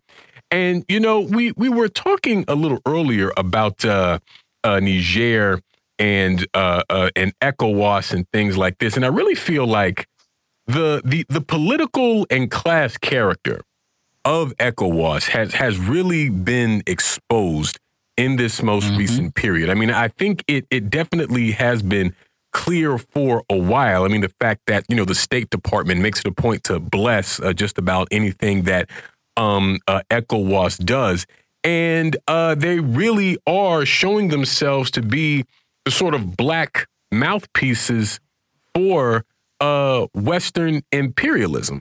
And uh, they're not alone uh, uh, in that. We're talking about Africans uh, being weaponized against other Africans. And we're also seeing that um, in the case of uh, Kenya, uh, whose government has committed to deploying a thousand police officers to Haiti to help train Haitian police against the gangs inside the country. Although here on the show, we maintain that you know, the real gangs are, you know, the imperialists and the, the wealthy elites that are the ones actually uh, arming these uh, groups of young men. And I actually wonder what you make uh, uh, of that whole situation, uh, uh, Netfa, and you know how you sort of see it factoring in until these uh, uh, compromise, uh, these comprador elements amongst the African people that are always uh, willing to be used as uh, a bludgeon against other Africans. Mm-hmm. I'm glad you. And so the yeah, like you mentioned, they're talking about you know Kenya Kenya leading a police force to go in there and stop the the so-called gang violence and and you know and uncontrolled violence in there and Haiti. Um, um, they already sent an assessment team. They've I can't that was like earlier this week or was it last week or something? The assessment there team there, and it looks like they're really about to go in uh, any moment now with the with the uh, with the police there, um, with Kenyan police. Now I'd, I'd, be remiss if I didn't mention that the Black Alliance for Peace Haiti Americas team just released a statement just this um really this morning, and I was doing some you know some little communications work for it. Oppose foreign intervention in Haiti. No to black face imperialism. Yes to Haitian sovereignty. And so the conditions is really interesting how you meant because the conditions on the ground, to the extent there is this violence and that there are gang violence, the people on the ground have um, like the civil society, they call for things, and that's what's being ignored: arms embargoes, stuff like that, and to to uh, to make sure that certain the weapons and things like that aren't getting into the country. They're not. They're ignoring all of that. It's very similar, I think. Let me let me get my thoughts together here. So we have formations like you said ecowas and i would actually put the african union as really kind of in there at this point. It was just a really a, a, travesty to its original original formation the organization of african unity which was de, which was something of decolonization and independence and anti-neocolonialism. Now that they've you know the african union while they oppose military intervention into niger they support everything else. I think these formations like caricom ecowas uh, African Union, be, they can't because the uh, the nature of the comprador the comprador aspect of neocolonialism, they're invariably going to be for and that these uh, and that these formations are made up. They're comprised of leaders of, from the comprador class. And so the formations are really only going to do anything but maintain the the dominant global order and and Western hegemony and whatnot, and not look for anything like you know socialism or anything. Otherwise that they're going to lose their standing. So so you have kenya now which is really guilty of some horrific horrific things in kenya in terms of the i'm sorry that i should be very clear the kenyan government not the kenyan people um, and the police there are really guilty of some horrific terrible things in kenya. So to send the police these police that have you know tortured people and massacred people um, and you know these kind of and they're trained by Western training, you know, uh, uh, institutions. To send them to to Haiti is really um, speaks to what they really have in store, how the regard they really have for Haiti, and for CARICOM to be willing to leave this um, and the the UN Security Council and the core group the core group is the group of these you know of representatives from the united nations the us the oas france you know canada all these you know western compradors are the core group is what governs haiti. So they're not talking about anything in Haiti that would alleviate the suffering, like schools or hospitals, or you know, uh, aid that would uh, economic aid that would alleviate the that would stop the desperation and the anxiety that some that causes some of the stuff that happens there in terms of violence. It causes it everywhere. These are the foundations of things. They don't talk about any of that. They have to keep, they depend, and the powers that be know, they depend on Haiti being destabilized. They depend on Africa being destabilized. Because once people can get any form of stability and at exercising self determination, sovereignty, they're going to want to use their resources for what they use them for. I mean, people don't know Haiti has, you know, have found gold reserves in Haiti and and oil, and that the the fab the what do you call the uh, fabric what um the textile companies are you know these uh, companies like Gap and Fruit of the Loom and all that are you know super exploit, exploiting people. This is what they want to maintain. If the people get control, they're not going to want that kind of relationship. They're going to be talking about something that's in the benefit of the mass of the people, redistribution of land and and fair wages and living wages and all kind of stuff, and using their resources not for extraction, using them to you know set the terms of their of the trade of those things. Um, so if so that's why they have to keep things destabilized that's just the way things are and that we have to so i want to say this one last thing in answer to your question though i have to mention that the haiti black Lives for peace haiti and america's team has um, has on our website this statement um, about uh, it says uh, opposition oppose foreign intervention in Haiti, no to blackface imperialism, yes to Haitian sovereignty. At the bottom of it, it's a petition that we're asking people to sign, and that also it's calling for people to tweet and call the embassies, the embassy of Kenya, um, it has it has their emails there and phone numbers there and Twitter handles and different things like to flood them with this message: no to occupation, no to foreign invasion, uh, and no to blackface and imperialism, yes to sovereignty. We talk, and, and this is some phony where they're trying to spin this as some sort of Pan African alliance oh Kenya's black people trying to help you know the hate people in Haiti. It it's a it's not really a, a, a real Pan African alliance because it's not created from the ground up. It's not people centered. It's the comprador classes trying to trying to do the bidding of their masters, and that um, we have to see, like you said, these these formations as really um, because the imperialism doesn't. They know that if they go in there, they're trying to avoid going in there. They will do it because at all costs. But they don't want to be. They don't want. To, they don't like the optics of the white nakedly white supremacist, you know, troops and whatnot going in and killing Africans. They'd rather not have that, but I, but they will stop. They won't. They won't uh, settle for losing control. Absolutely. We're going to move to another quick break on that note here on By Any Means Necessary on Radio Sputnik in Washington, D.C. We'll be right back, so please stay with us. By any means necessary.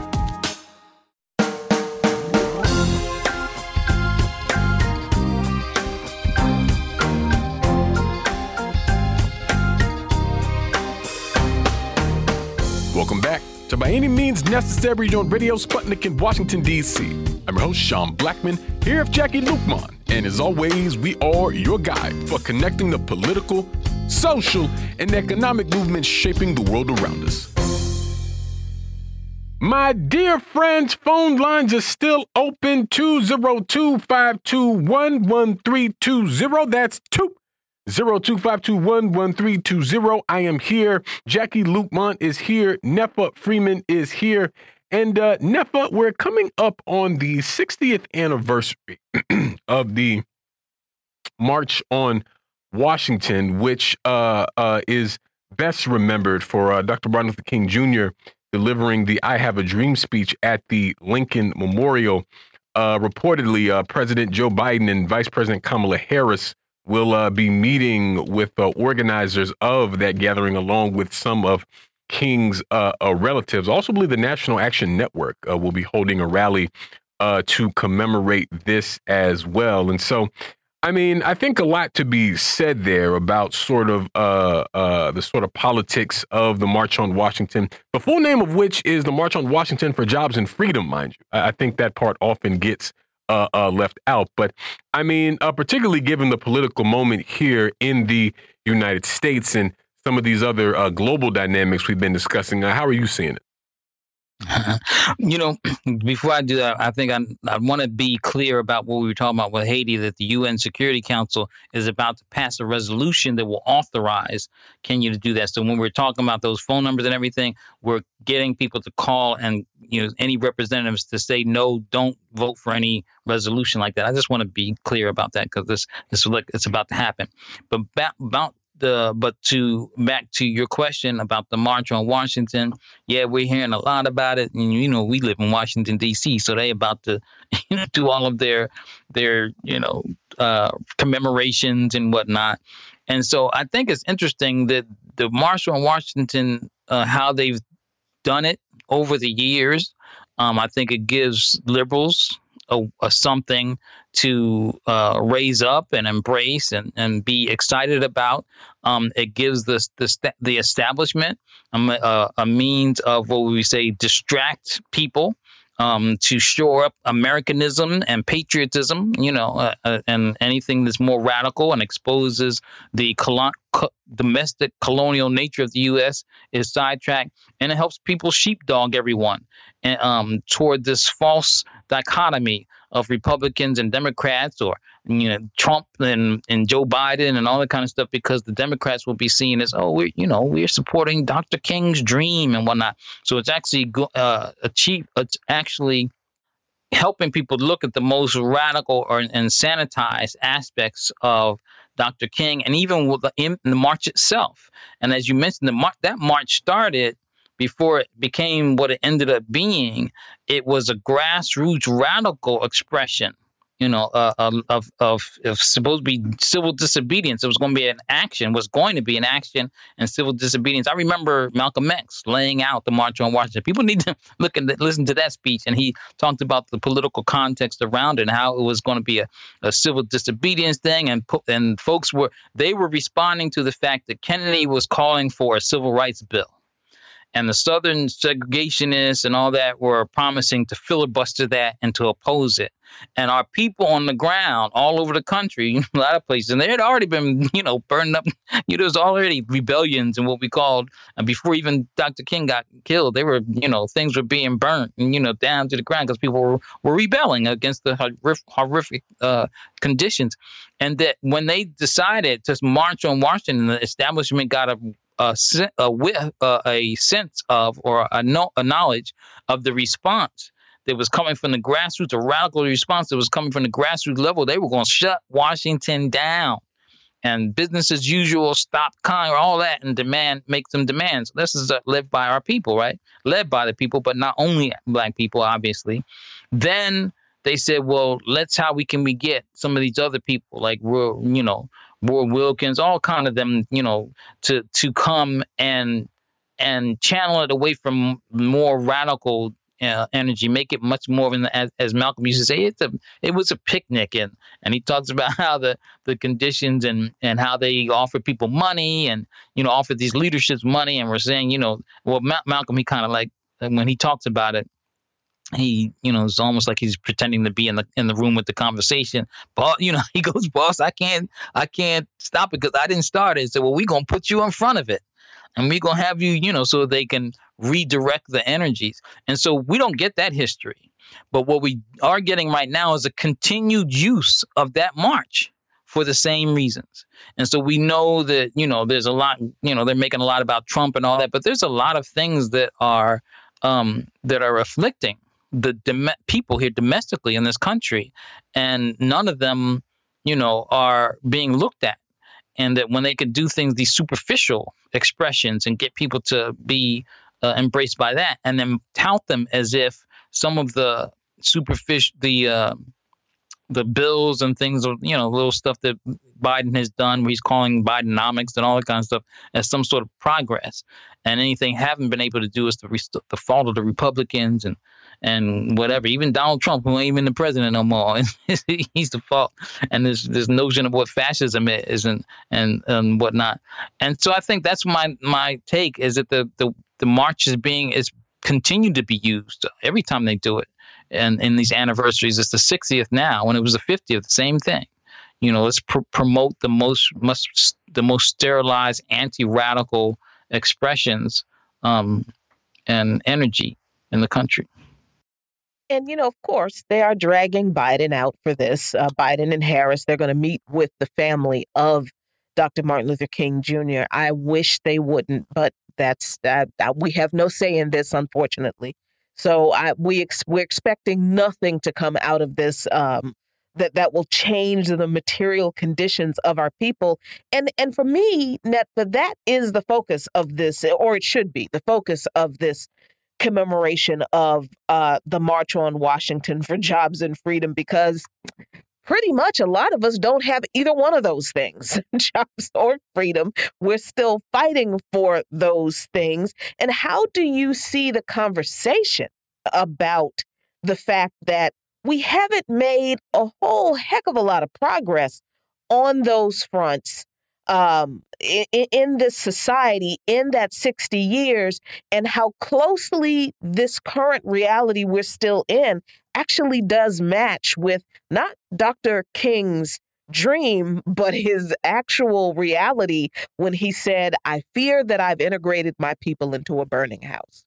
You know, th- this is the, the role that the media plays in this country is to um, affect the, the conversation you know, and, and the and the the preoccupations or the attention or the interpretation of things, how things are. And so, like, you know, th- there's all kinds of things. You know, there's the climate change stuff. I mean, one of the, the high, hottest months on record has happened, um, and with all kinds of wildfire fires and and and heat waves and whatnot, uh, people being dropped off of Medicaid, you know, losing coverage of that, all kind of stuff that Dr. King um, was was trying to promote and champion. And like you, um, um, Sean talked about the the part of the the title of the march and what was called for that it's always that often forgotten for jobs and what was mm-hmm. jobs and freedom or something, uh, um, and that you know they have to they have to rework it. So I think that the, the discussion when you mentioned the discussion, I think this is what they have to. This is the purpose of it. The media plays this role of um, of cheerleading the establishment. Most, I, and I just I was just having this conversation with I think it was my mom talking about how it seems that the Democrats have much. And this is why the right wingers that support Republicans don't like it. The Democrats have more uh, influence over the corporate media, corporate news media, more aspects of it than the Republicans do. Of course, they both have some corporate stuff, you know, doing things for them. But what we have to realize, all of them, the corporate media in general, no matter whether it's favorable to a Democratic disposition or Republican, is pro-capitalist, is anti and and you know more all about if anything at most reforms and incremental change, um, sidestepping any kind of and, and therefore what do you call it, law and order, mass incarceration, and do something about you know not dealing with the conditions that exacts that are at the root of these types of things, just like we talked about in Haiti or any place else. They it ain't it's about waiving student debt. It's not about universal education, the right to universal education all the way to the university level. It's a you know both you know are will just keep funding you know the military industrial complex and the and the offense contractors. All of that will be will be sidelined, distracted. People won't be talking about those things. Um, and this is what things like the March on Washington are designed, or I'm certain to say that how it's covered and how it's uh, commemorated is designed to keep people away from that. And to the extent that they're acknowledging any issues, it's going to be the superficial aspects, the surface aspects of the issues. Um, yeah, I think that's the case. I think that's the case. And as ever, like you're uh, mentioning, that for the real sort of class issues that are plaguing uh, black people and poor, uh, working and oppressed people. Uh, uh, that whole aspect uh, being glossed over, particularly in a moment like this where people's conditions are only getting worse with no real uh, positive response from the ruling class, I think uh, is noteworthy to say the very least. And this is why I think it's, you know, uh, as ever, this is why I think like political education is so important because we're definitely fed mm. uh, a, a version or a certain picture of who Martin Luther King was and and what politics he represented.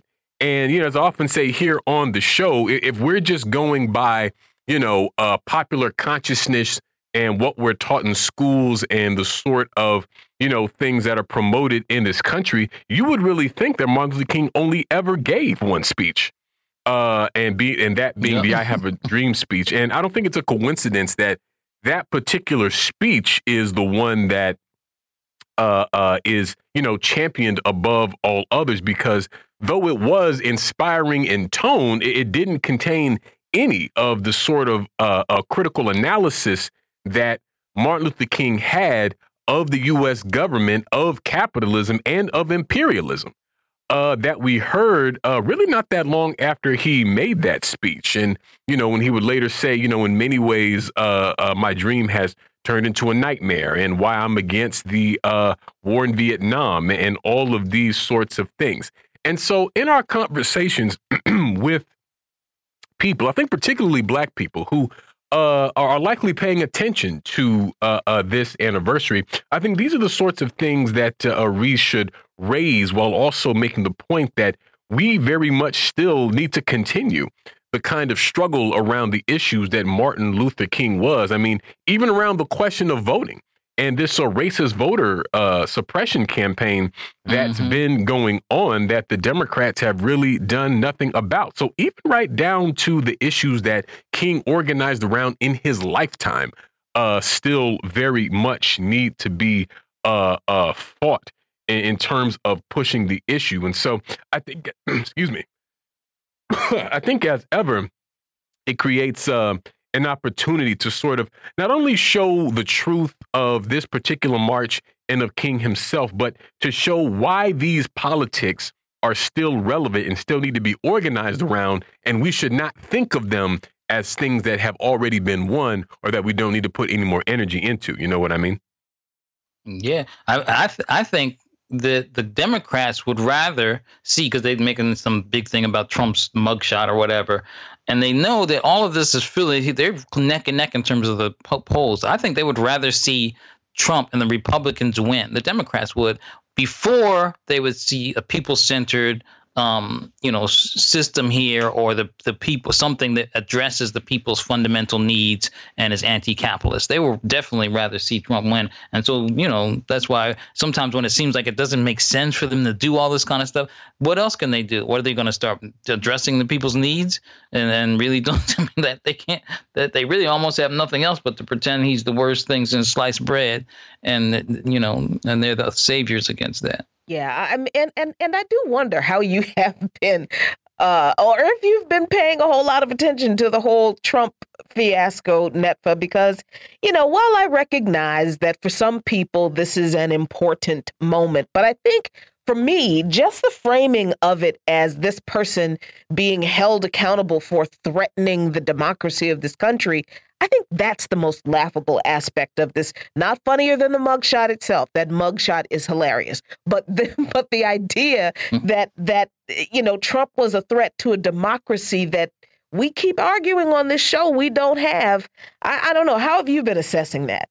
No, I, I mean, I, I just because we only got a little bit of time. I say people need to read Margaret Kimberley's. La- uh, it was the week last week about Trump Trump indictment distraction, and one of the things that she really points out in the beginning is that he ain't the president right now. He's an ex-president, and all of the things that have, that have been plaguing this country and people here for the last was it four years or three years rather uh, are not can't be pinned on him. And so, who is responsible for them gets a free pass because they keep us uh, looking at that other stuff. I've kind of look at you can't. It's hard to avoid seeing some of that stuff, but um, I just you know that's how I see it. It's like it's a distraction from who the real culprits are, not the real culprits, but other culprits. Yeah. Yeah, for sure. And, and, and, this is a good point to make because, like, yeah, like Donald Trump is obviously guilty, but as people have been pointing out uh, uh, throughout this whole process, I mean, so are like all US presidents, like including the most recent ones, including Barack Obama, uh, including George W. Bush, including Bill Clinton. I mean, all of these people and many more that we could name, I'm just uh, talking about the most uh, recent few, have created out and out like crimes against humanity.